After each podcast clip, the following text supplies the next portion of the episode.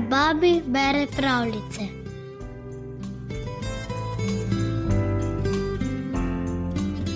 Tudi v Armeniji si pripovedujejo pravljico o tem, kdo se bo prej razjezil, revež ali bogataš. In seveda, kot vedno, je bogataš tisti, ki ne zdrži in plača kazen. Prisluhni armenski pravljici Gospodar in Dninar. Živela sta brata, oba siromaka. Tuhtala sta in tuhtala, kako bi preživela družino, in na zadnje sklenila: Mlajši naj ostane doma, starejši pa naj gre za dninarja k kakemu bogatinu in naj zaslužek pošilja domov. Starejši brat se je odpravil, našel delo pri nekem bogatem kmetu in se pogodil z njim, da bo delal pri njem do pomladi. Bogatec pa mu je stavil čuden pogoj. Če se boš zjezil, je rekel, preden zakuka kukavica, mi boš plačal tisoč rubljev. Če pa se bom zjezil jaz, ti jih bom plačal jaz. Ampak saj ne bom imel toliko rubljev, je rekel siromak. Nič za to, mi boš pač služil deset let brez plače. Mladega moža je bila groza ob tem pogoju, ampak mislil si je, naj bo, kar bo, ne bom se zjezil, pa konec. Če se bo pa on zjezil, bo plačal. Prav, je rekel. In se je udinjal pri bogatem kmetu. Naslednjega dne, na vse zgodaj, je zbudil gospodar Dninarja in ga poslal na travnik. Pojdi, mu je rekel, kosil boš, dokler bo svetlo, a ko se bo stemnilo, se vrni. Dnina se je odpravil na travnik, vse dan kosil, zvečer pa se je utrujen vrnil. Gospodar ga je vprašal: Zakaj si se pa že vrnil? Sonce je zašlo, pa sem se vrnil. Ne, tako se nisva zmenila. Rekel sem ti, ko si, dokler bo svetlo. Sonce je res zašlo, zato pa je vzšla luna. Kako to mislite? se je začudil Dninar. A pa se ja ne jeziš, ga je vprašal gospodar. Ne jezim se, samo hudo utrujen sem, je odgovoril prestrašeni Dninar in se že spet odpravil kosit. Kosil je in kosil, dokler ni zašla luna. A komaj se je luna skrila, se je pokazalo sonce. Dninar je onemogel padel na zemljo. Preklet ti in tvoje strnišče, tvoj kruh in tvoja plača, se je jev Dninar v obupu znašati nad gospodarjem. E se mar jeziš? se je prijazno oglasil gospodar. In zdaj, ko si se zjezil, je dobila najna pogodba veljavo. E, samo ne govori, da sem ti storil krivico. In bogatec je zahteval od Dninarja: Plačana je tisoč rubljev ali pa mu deset let dela za ston. Dninar je bil razdvojen. Tisočaka ni imel, da bi se rešil gospodarja, a da bi mu garal deset let za ston, kaj takega se mu ni zdelo mogoče.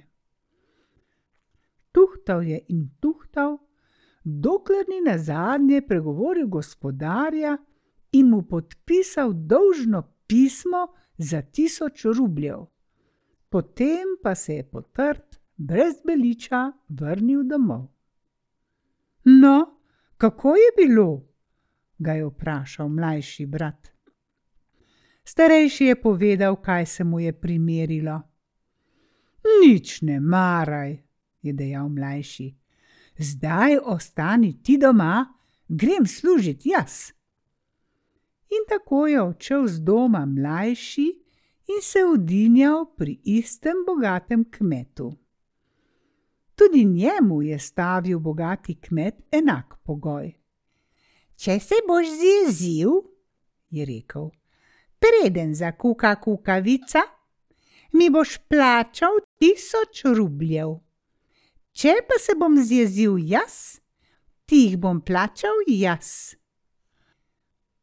Ne, je ugovarjal mladi mož, če se boš zjezil ti, mi boš plačal dva tisoč rubljev, a če se bom zjezil jaz, ti bom tudi plačal dva tisoč rubljev, ali pa ti za ston delal dvajset let. Prav, se je namuznil bogatec. In pri tem je ostalo. Ustalo je sonce, dninar pa ni vstal. Gospodar ga je budil, on je pa kar spal. Poslušaj me, človek, vstani, povdne bo že. Se mar jeziš? je dvignil dninar glavo. Ne, ne jezim se, je prestrašen odgovoril gospodar. Samo tako sem mislil, da bi bilo že čas uh, iti na polje, žeti.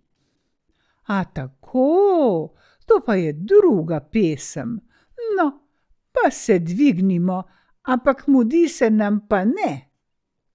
Na zadnje se je Ninar le dvignil in si začel zavezovati opanke. Gospodar okoli njega, on pa je bil zmeraj bolj počasen. Hej, podvizaj se, človek. Aha, pa se ja ne jeziš. E, kaj bi, ne jezim se. Hotel sem ti samo reči, da se malo preveč obotavljaš. Tako dolgo se je obotavljal, da sta prišla na polje, ko je bil že čas za kosilo. Zdaj pa res ni čas za delo, je menil Dninar. Kar poglej, vsi kmetje so se odpravili k južini. Jejva tudi midva, potem pa zgrabiva za delo. Sedla sta, pojedla in mladi mož je menil zdaj pa lahko malo zadremljeva in si nabereva moči, je rekel, položil glavo na travo in dremal do večera. Hej, človek, vstani, temni se že, vsi so že poželi, samo moja niva je ostala nepožeta. Naj ga vrak, kdo te je poslal semkaj, v zemljo se udri, roke naj se ti posuše. V samo nesrečo si mi, je v sobupan upil gospodar. Oho, zdi se mi, da se jeziš, je dvignil glavo Dminar. Kdo neki se jezi? Samo to pravim, da bo treba domov, mroči se že. A, No, to je pa druga pesem. Pa pojdiva, ampak ne pozabi na najno pogodbo. Plačal bo, kdor se zjezi. Za drugi dan je gospodar pripravljal gostijo. Ker v shrambi ni bilo dovolj kruha, je gospodar poslal dninarja naj preseje moko in zamesi kruh potem ga bo gospodinja spekla in lahko ga bodo postregli gostom. Koliko? je vprašal Dninar. Oh, koliko ti pride pod roko? je odgovoril gospodar nejevoljno. Gospodinja pokliče gospodarja in ga vpraša, kam naj nese vse testo, ki ga je prinesel Dninar peč ni dovolj velika za toliko kruha. Gospodar je stekel in res, pred kuhinjo je stal voz testa, ki ga je nanesel dninar. Porabil je vso moko, ki jo je našel v shrambi. Aj, aj, kaj si storil? se je zagrabil gospodar za glavo in si začel puliti lase.